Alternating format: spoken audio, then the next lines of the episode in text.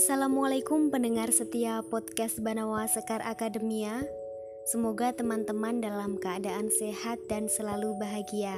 Amin Allahumma amin. Teman-temanku semua, kali ini saya akan bercerita tentang masuknya Islam di Desa Keongan. Jadi, masuknya Islam di desa Keongan ditandai dengan ditemukannya makam Syekh Abdul Rahman yang diyakini sebagai santri dari Sunan Kalijaga. Cerita ini berawal dari kisah Sunan Kalijaga yang sedang mencari kayu jati berkualitas sebagai tiang penyangga Masjid Agung Demak. Jadi saat itu Sunan Kalijaga mendengar kabar dari masyarakat kalau kualitas kayu yang berbobot terdapat di daerah Grobogan. Lalu Berangkatlah Sunan Kalijaga menyusuri hutan hingga tiba di sebuah desa yang kini dikenal dengan sebutan Desa Keongan. Jadi nama Desa Keongan itu sendiri adalah pemberian dari Sunan Kalijaga. Nama nama itu diambil dari kata keong. Jadi pada saat itu Sunan Kalijaga sedang mencari sumber air yang akan digunakan untuk berwudu. Berdoalah Sunan Kalijaga kepada Allah agar dimunculkan sumber air di dekat tempat persinggahan beliau. Nah, beberapa saat kemudian muncullah sumber air itu. Tanaman-tanaman sambeng dan keong-keong mulai bermunculan di sekitar sumber air tersebut. Hingga saat ini sumber air itu dinamakan Sendang Sambeng dan pemberian nama keongan tak luput dari banyaknya keong-keong yang bermunculan di daerah itu. Desa Keongan juga berbatasan langsung dengan Kabupaten Seragen, Jawa Tengah dan berada di tengah-tengah kawasan hutan yang masih sangat asri. Desa yang dihuni sekitar 5.880 jiwa penduduk ini juga jauh dari hiruk-pikuk keramaian kota karena jarak tempuh dari kota Purwodadi ke desa itu kurang lebih membutuhkan waktu 2 jam perjalanan darat. Kemudian menurut mitologi masyarakat setempat, di puncak perbukitan yang lebih dikenal dengan sebutan Gunung Kuncup tersebut, Sunan Kalijaga pernah membangun masjid yang dipergunakan untuk syiar agama Islam. Gunung Kuncup itu sendiri memiliki ketinggian sekitar 800 meter dari dasar permukaan pemukiman desa Keongan. Dimungkinkan kala itu Sunan Kalijaga lebih memilih lokasi yang berada di dataran tinggi karena dalam berdakwah tak ingin bersinggungan dengan penduduk setempat yang mayoritas masih beragama Hindu-Buddha.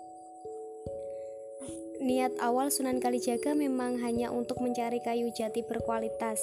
Hanya saja di sela perjalanannya di hutan desa Keongan dimanfaatkan beliau untuk syiar agama Islam. Saat itu sekitar abad ke-15 di masa runtuhnya Majapahit. Jadi diyakini penduduk setempat masih beragama Hindu-Buddha. Hingga kini rekam jejak Sunan Kalijaga di Desa Keongan masih terjaga dengan baik secara, secara turun-temurun di kalangan warga setempat. Dalam upaya menjunjung tinggi kearifan lokal, para warga menyimpan rapat Sunan Kalijaga sebagai bagian dari sejarah berdirinya Desa Keongan memang tak banyak yang tahu karena selama ini masyarakat hanya diam demi menjaga kelestariannya.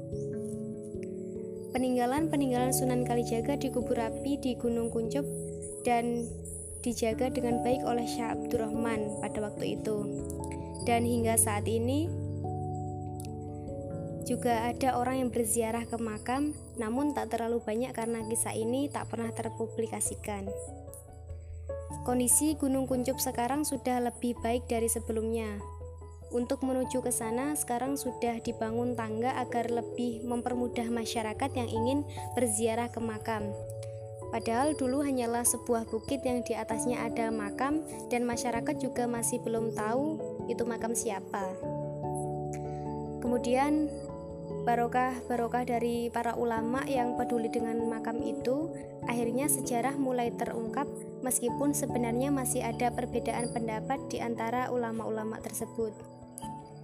Di sekeliling makam sekarang juga terdapat patung besar keong berwarna emas yang di dalamnya ada lukisan para wali songo dan beberapa bukti sejarah peninggalan Sunan Kalijaga.